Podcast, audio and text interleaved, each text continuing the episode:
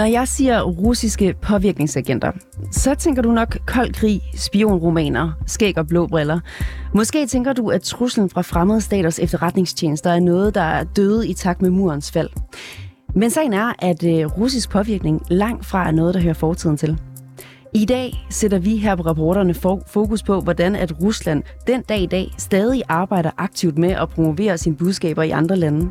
Vi skal blandt andet dykke ned i, hvordan PET vurderer, at Rusland målrettet opretter falske, falske profiler på sociale medier, samt benytter falske PR-firmaer til at betale meningsdannere for at promovere russisk propaganda. I Tyskland der har brugere på sociale medier kunne følge med i 29-årige Alina Lip, der i adskillige øh, videoer promoverer budskaber om et heldemodigt Rusland og et, nas- og et øh, nazistisk Ukraine. My name is Alina Lipp. I'm an independent German journalist living in Donetsk. Uh, I'm living here for half a year now, telling Germans what is going on in the Donbass region and in Ukraine. Og det store spørgsmål er selvfølgelig, skal vi være bekymrede for russisk påvirkning og fremmede agenter i Danmark? Du lytter til rapporterne på 24 hvor vi i dag bliver klogere på, om vi befinder os i en kold krig 2.0. Jeg hedder Ida Gavnø.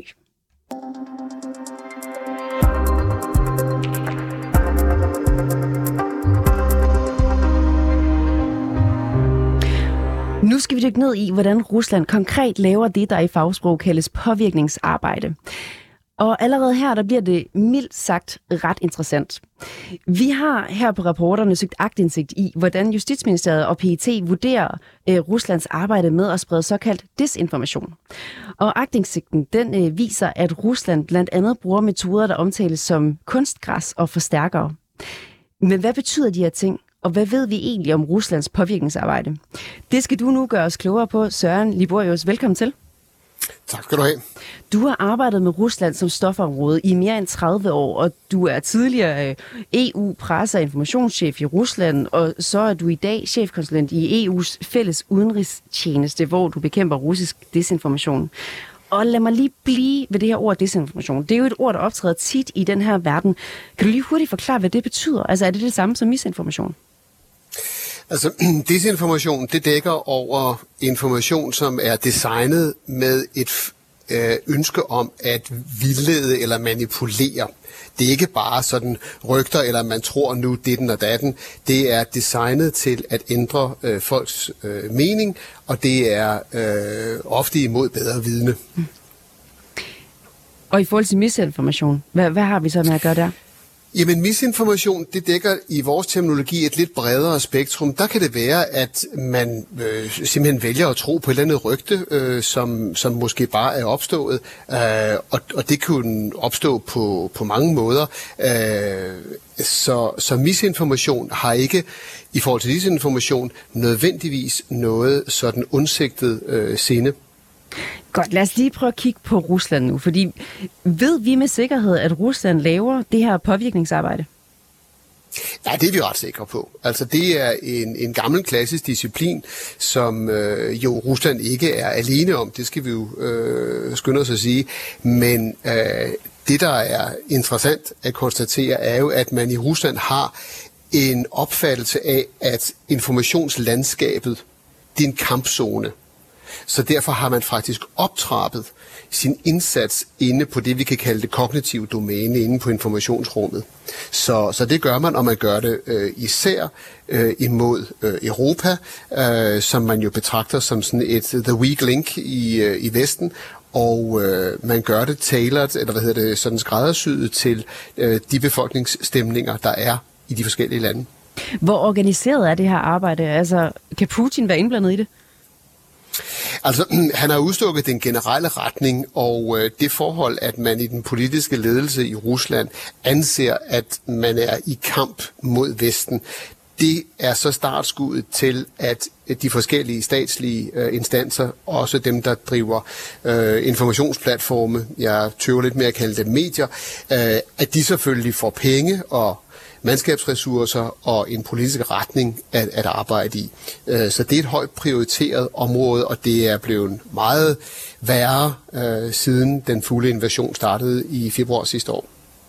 Her på rapporterne, der har vi for nylig tag, fortalt om sagen om den danske journalist Jørgen Dragsdal, der i 2007 blev beskyldt for at have været påvirkningsagent for KGB. Mistanken den var blandt andet, at han skrev lidt for sovjetvenlige artikler i Dagbladet Information dengang. Øh, Dragsal er senere blevet frikendt for beskyldningerne i højesteret. Men ved vi, om Rusland den dag i dag har påvirkningsagenter, der har forsøgt at sprede desinformation i Europa? altså, øh, vi ved jo, at der ud af de russiske ambassader i, øh, igennem masser af år har foregået virksomhed, der øh, skal ligesom skabe kontakt til lokale stemmer og skal skabe en, en form for øh, favorabel øh, indstilling til, til Ruslands politik. Um, vi bevæger os jo i en zone, som øh, ikke altid omfatter noget, der er ulovligt. Det skal vi lige også understrege. Øh, og jeg vil ikke forholde mig til, til danske øh, navne som sådan. Øh, men igennem den, den, set fra det russiske perspektiv, så er det klart, at man bruger alt, hvad man kan af både øh, diplomatiske øh, kanaler, man bruger øh, sine medieplatforme, og man blander dem sammen med i stigende grad det mere gedulte, altså falske profiler og øh, øh, hvad hedder det, øh, brugen af, øh, af øh, forstærkere til at, at få ens øh, budskaber, som man har på sådan normale øh, medieplatforme, øh, gennem falske profiler til at, at fylde med millioner af, af, af likes og hits øh, for at få dem til at oversvømme mm. øh, mediemarkedet. Og apropos de her øh, falske brugere og profiler. Lad os lige prøve at dykke ned i, hvordan Rusland konkret arbejder med det her påvirkning. Fordi ifølge øh, en agtindsigt, vi har fået, så mener PET, at Rusland benytter sig af en metode kaldet kunstgræs. Det er falske øh, vestlige brugere på sociale medier, der, der støtter bestemte mærkesager til gavn for bestemte stater. Hvor ser vi typisk de her falske brugere hen? Øh, vi ser, at øh, de skal fremme et narrativ om, at der er nazister, der leder Ukraine.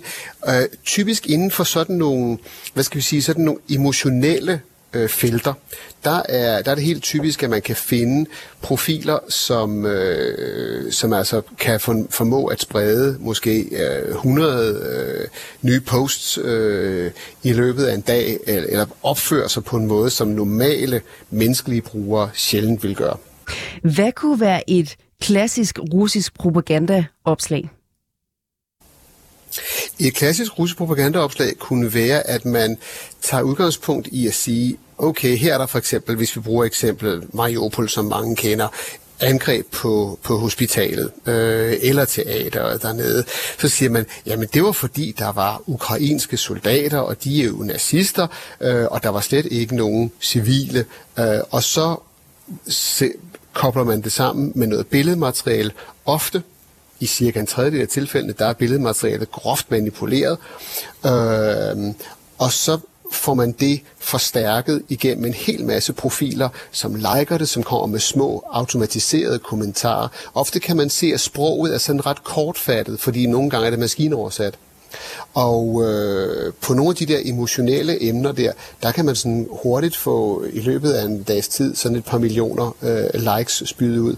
Og det vil sige, øh, så kommer man op i toppen af, på grund af den anden måde, algoritmerne fungerer på på mange øh, sociale mediekanaler, mm. at, at det bliver det mest populære.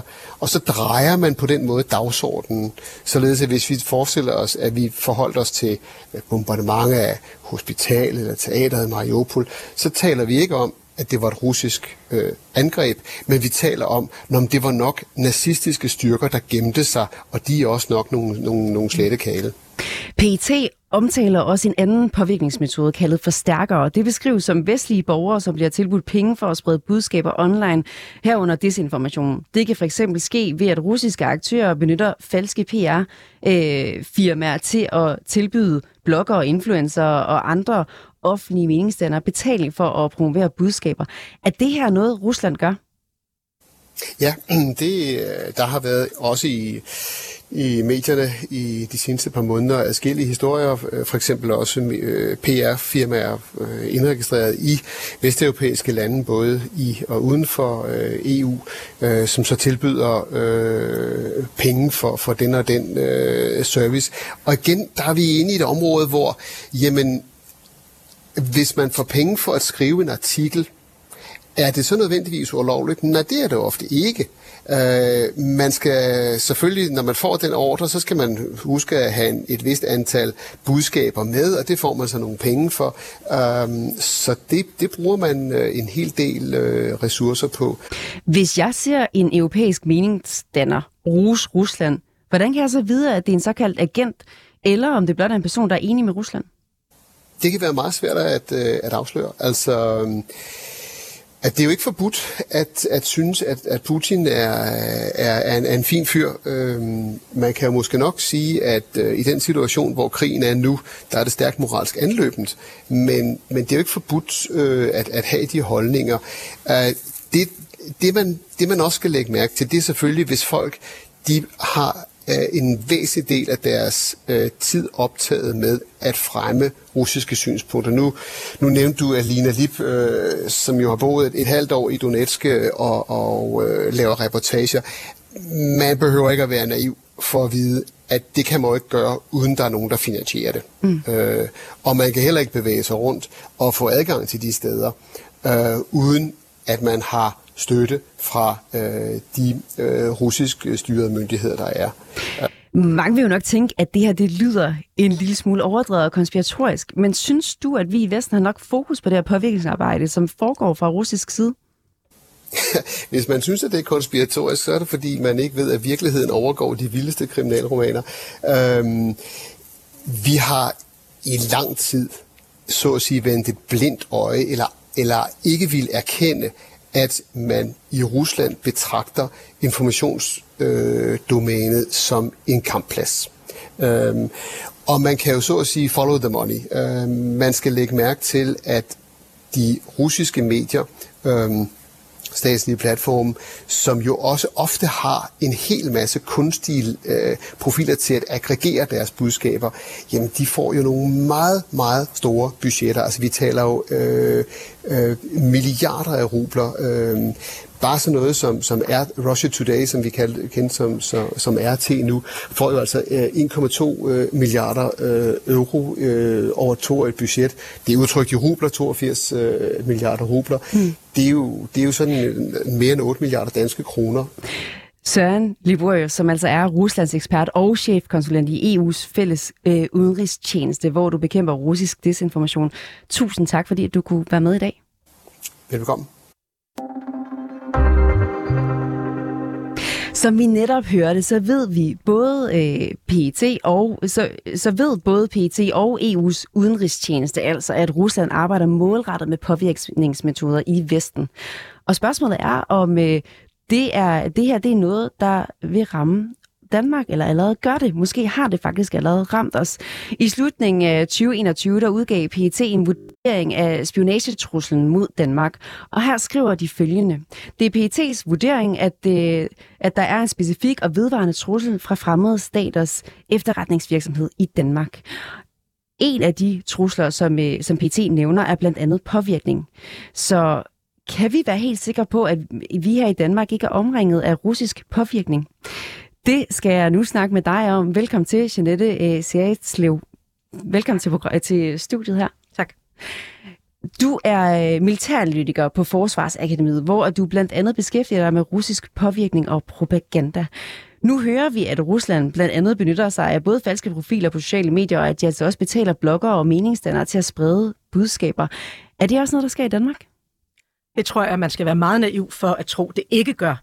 Også nu henviser du selv til, øh, til PT's analyse. Man kan også læse Forsvarets efterretningstjenestes øh, offentlige øh, årlige gennemgang udsyn. Øh, og hvis man tager de to sammen, så, så står det jo meget tydeligt, at der er en, en væsentlig trussel for påvirkning fra Rusland, også i Danmark. Nu hører vi fra PET, at Rusland kan finde på at betale influencer for at sprede budskaber. Er det på nogen måde noget, der kan foregå i Danmark? Sagtens. Altså det er, øh, dokumenteret, at Rusland har gjort det både under pandemien i forbindelse med antivaxer og også under Ukraine, krigen i Ukraine. Øh, så, så, så vi ved det i hvert fald fra andre lande. Jeg, jeg, har ikke, jeg kan ikke sige, at den og den øh, gør det, i, hvor det er tilfælde i forhold til, til, til Danmark, men, men vi ser det i andre lande. Vil det ikke være alt for åbenlyst, hvis en influencer eller en meningsdanner pludselig begynder at tale om Putin og Rusland i rosende vendinger? Hvis det var så åbenlyst, så ville hele influencerbegrebet jo ikke virke. Og det er jo også det, der er, både med influencer som kommersielt begreb, men også som påvirkningsagenter, når vi taler om, øh, om det.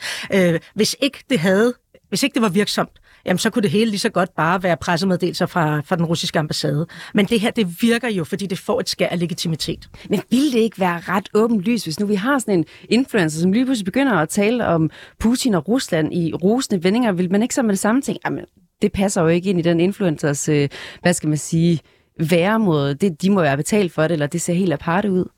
Det er klart, hvis man ser tydelige skifte, og det kan være i forhold til politiske holdninger eller produkter, eller hvad det i øvrigt er med influencer, så vil det selvfølgelig øh, formentlig give opmærksomhed. Men man kan jo også finde nogle af, af dem, som i forvejen taler øh, kritisk i forhold til autoriteter, i forhold til medier, i forhold til gængse dagsordner, øh, og hvor man i forvejen måske taler ind til segmenter, der er mere rettet mod, mod for eksempel øh, Rusland og RT, som Søren Liborius også nævnte.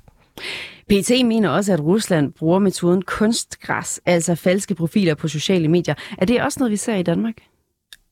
Det, det vil jeg helt klart mene, når jeg selv kigger på, på sociale medier, og når man ser på øh, profiler, der angiveligt er danske. Der er både øh, dem, der ligner, at de rent faktisk er rigtige mennesker, rigtige danskere, mm. men der er også profiler, som, som helt klart har, har de karakteristika, som, som falske profiler har. Hvordan kan man spotte de her, det her kunstgræs, de her falske profiler? Det kan være på flere måder, men man kan sige typisk, så kan de være øh, nyere, øh, oprettet for nylig. Det vil være begrænset, hvad de har af venner, øh, og man kan også, når man går ind og ser, hvad det er, de følger og liker, så vil det typisk passe ind i et pro-russisk eller i hvert fald antivestligt verdensbillede. PET siger i deres øh, vurdering af spionagetruslen mod Danmark, at de har styrket deres øh, kontraspionageindsats. Hvor opmærksom er de danske efterretningstjenester på russisk påvirkning? Nu repræsenterer jeg Forsvarsakademiet, så jeg kan selvfølgelig se, kun sige, hvad jeg kan se udefra. Men, men der er der jo ingen tvivl om, at det selvfølgelig også er noget, man har fokus på. Og det er også derfor, at det bliver ekstra fremhævet i både 2021 og 2022 udgaverne af deres publikationer. Det lyder jo ret uskyldigt, det her med. Det er jo bare sociale medier og brugere og måske nogle influencer. Altså, er der noget at være bekymret for? Det er der i den grad. Og, det, øh, og hvis ikke det virkede, så vil man heller ikke fra russisk side være interesseret i at gøre det og bruge så meget energi på det. Hvordan virker det?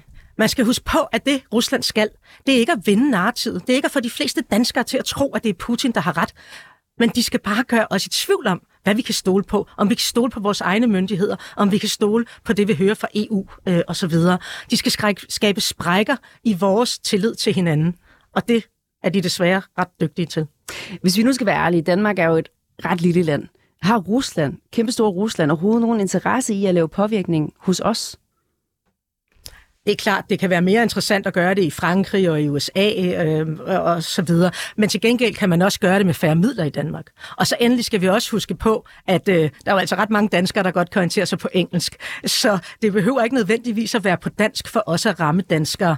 Det, bliver, det kan også sagtens ske via profiler, der taler engelsk og tysk og andre sprog. Hvem i Danmark skulle Rusland have interesse i at påvirke? Det kan ske på mange forskellige niveauer. Det kan ske på, på, på både beslutningstagerniveauer og lavere niveauer, og det kan tage, være at tale ind i segmenter, der i forvejen er kritiske. Som vi har set det under pandemien. Jeg er godt klar over, at det efterhånden er, er, er gammelkendte eksempler, men det er stadig vigtigt at fremhæve, at Rusland der jo talte ind i coronaskeptiske miljøer, i antivax-miljøer osv. med stor succes, og har kunnet bruge de netværk også til at videredistribuere anti-ukrainske budskaber efter den russiske invasion. I deres øh, trusselsvurdering, der skriver PET blandt andet, at formålet med påvirkning typisk er at skabe sympati for den fremmede stats egne politikker, eller at det skade sammenhængskraften i Danmark. Men altså ærligt talt, vi har et stærkt demokrati i, i Danmark, kan, og vi kan grundlæggende ikke særlig godt lide Rusland. Kan vi overhovedet påvirkes?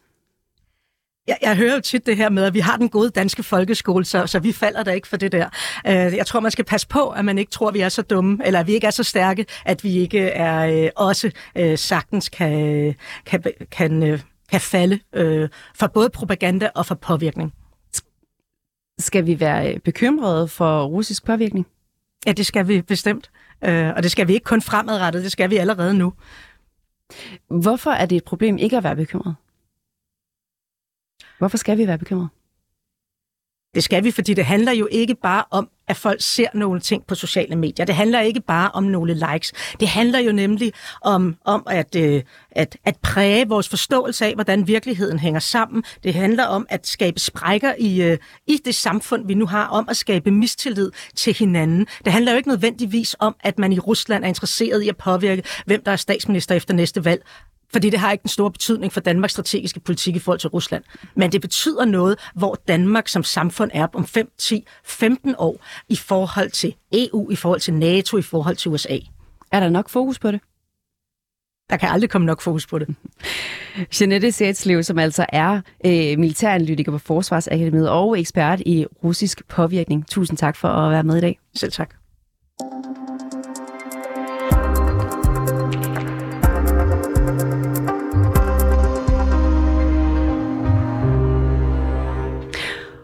Og nu skal jeg så også sige velkommen til dig, Thomas Wiener Fris.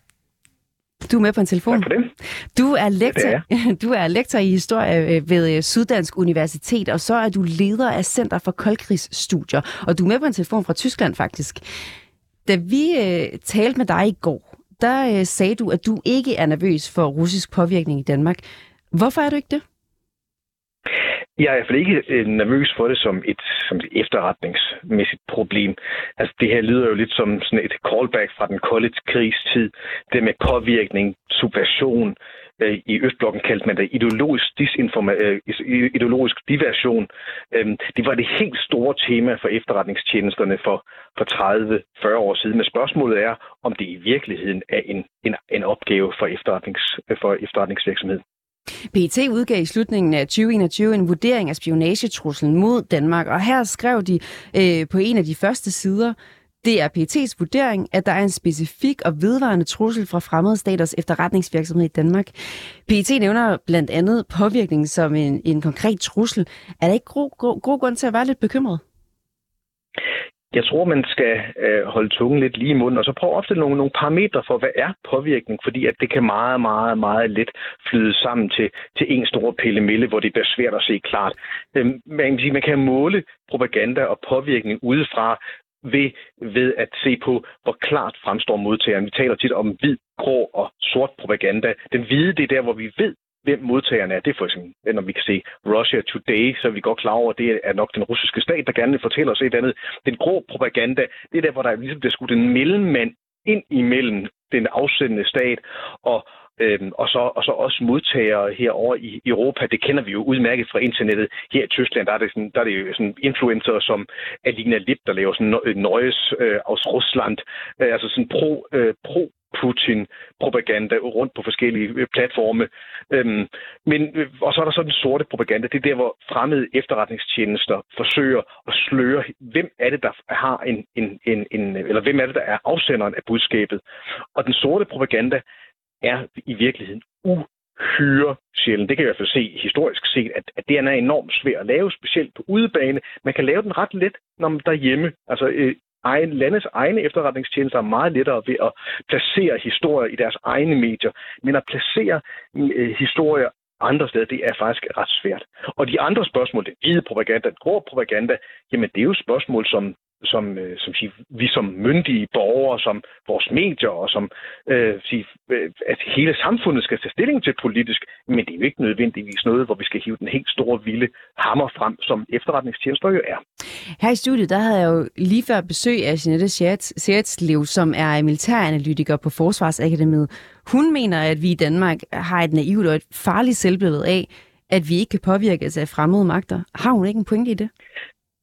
Ja, men jeg, man, man, man skal passe meget på det. Det var en, en, en holdning, som har jo har floreret i, i mange år, at demokratier ligesom er, er svage i forhold til autoritære og diktatoriske, øh, diktatoriske stater, både på efterretningsområdet, men også noget som, som i informationskamp. Men der skal vi nok øh, ikke underkende demokratiets styrke, og der synes jeg, at mit eget forskningsområde, nemlig den kolde krigstid, leverer et fantastisk godt eksempel.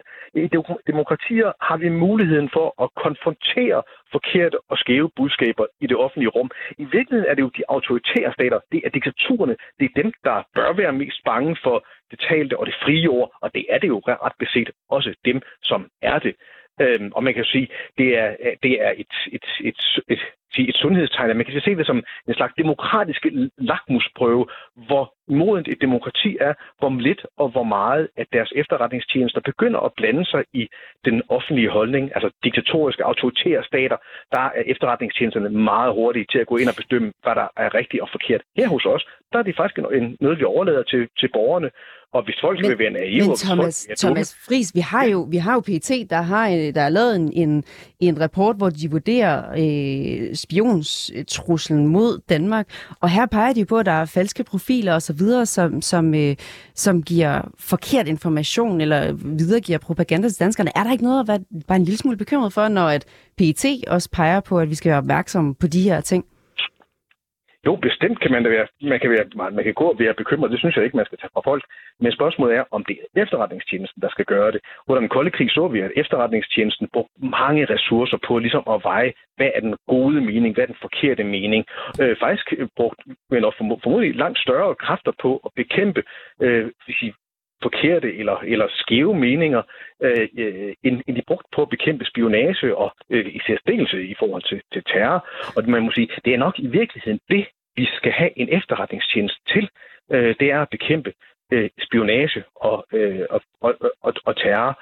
Øhm, og så selvfølgelig også, hvis fremmede efterretningstjenester laver helt skjult propaganda, hvis de planter historier. Det er klart, så er vi, så er vi over. Det er jo, det er jo en stigende trussel.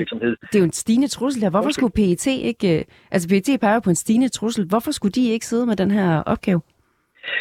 Øh, jamen, vi skal tænke på, at, at det at påvirke den offentlige mening i demokrati jo faktisk ikke er, jo ikke helt for, det er jo faktisk ikke helt forbudt. Øh, man kan også kalde det public diplomacy, altså det der med, at det gør vi jo også i Danmark, gå ud og påvirke offentligheden i, i andre lande, og i vores samfund, det må man, der, der må man det gerne. Og spørgsmålet er, skal, om det er en efterretning, efterretningsmæssig opgave, øh, ligesom at at jage rundt efter noget, man jo dybest set gerne må. Selvfølgelig skal de fange øh, spioner, skal de stoppe spionage, selvfølgelig skal de stoppe, hvis fremmede efterretningstjenester placerer historier. Men spørgsmålet er, øh, er det dem, øh, er, det, er det så at sige i det regi, at vi skal håndtere øh, public diplomacy for eksempel? Mm. I, øh, I går, der sagde du til os, da du snakkede med, med mit tilrettelægger til, til programmet her, at du ikke ser nogen tegn på påvirkning herhjemme. Hvad bygger du det på?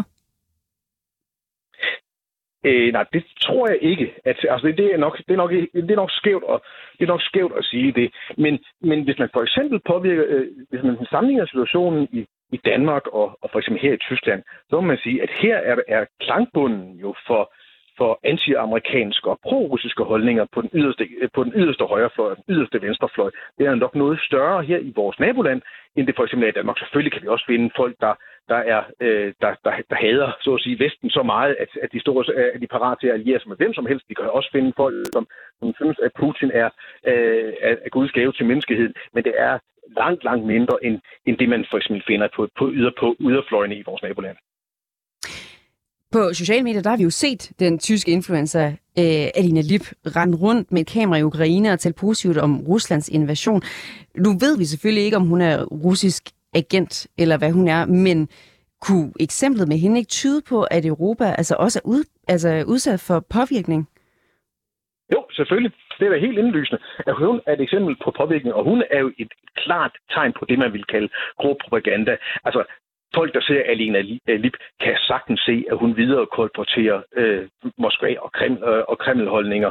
Øh, der er ingen sløring, der er ingen sløring der. Der behøver heller ikke en efterretningstjeneste for, altså det behøver ikke at være en, en russisk efterretningstjeneste, som ligesom giver hende nogle, nogle lunser, øh, for at folk ikke skal opdage, at det kommer fra Rusland. Hun, hun, øh, hun turnerer rundt i Donbass, og det er, og det er sådan ret entydigt, hvor hendes holdninger kommer fra og, og, og sige, når hun, når hun skælder ud på, på Ukraine, og ligesom sælger den, den, den russiske, det russiske narrativ, det er jo ret klart. Øhm, og, og, og sige, hvem, hvem, hvem, er, hvem er det hun, eller hvis, hvis ærne går hun her. Og der er, og der er, det er der helt åbenlyst et, et publikum for. Spørgsmålet om, om Alina Lip, hun øh, overbeviser dem, men hun fodrer i hvert fald sige, den yderste højrefløj øh, primært, og måske også nogen ude på den yderste venstrefløj med, med, sin, med sin nyt fra med sit nyt fra Rusland. Thomas... Det, hun samarbejder også med den, der hedder Drosby FM, øh, som, Thomas, også, lige... som er sige, i, samme, i samme kategori. Thomas, lige helt kort her til sidst. Er du bange for russisk påvirkning i Danmark? Nej, ikke synderligt. Øh, altså, der, at vi har, at det er et politisk, det er et, altså, et politisk problem, og det er et politisk, og det er noget, vi skal i, i, som myndige borgere i en, mm. en offentlig debat skal konfrontere. Selvfølgelig skal vi det, men, øh, men det er ikke noget, jeg går og er bange for.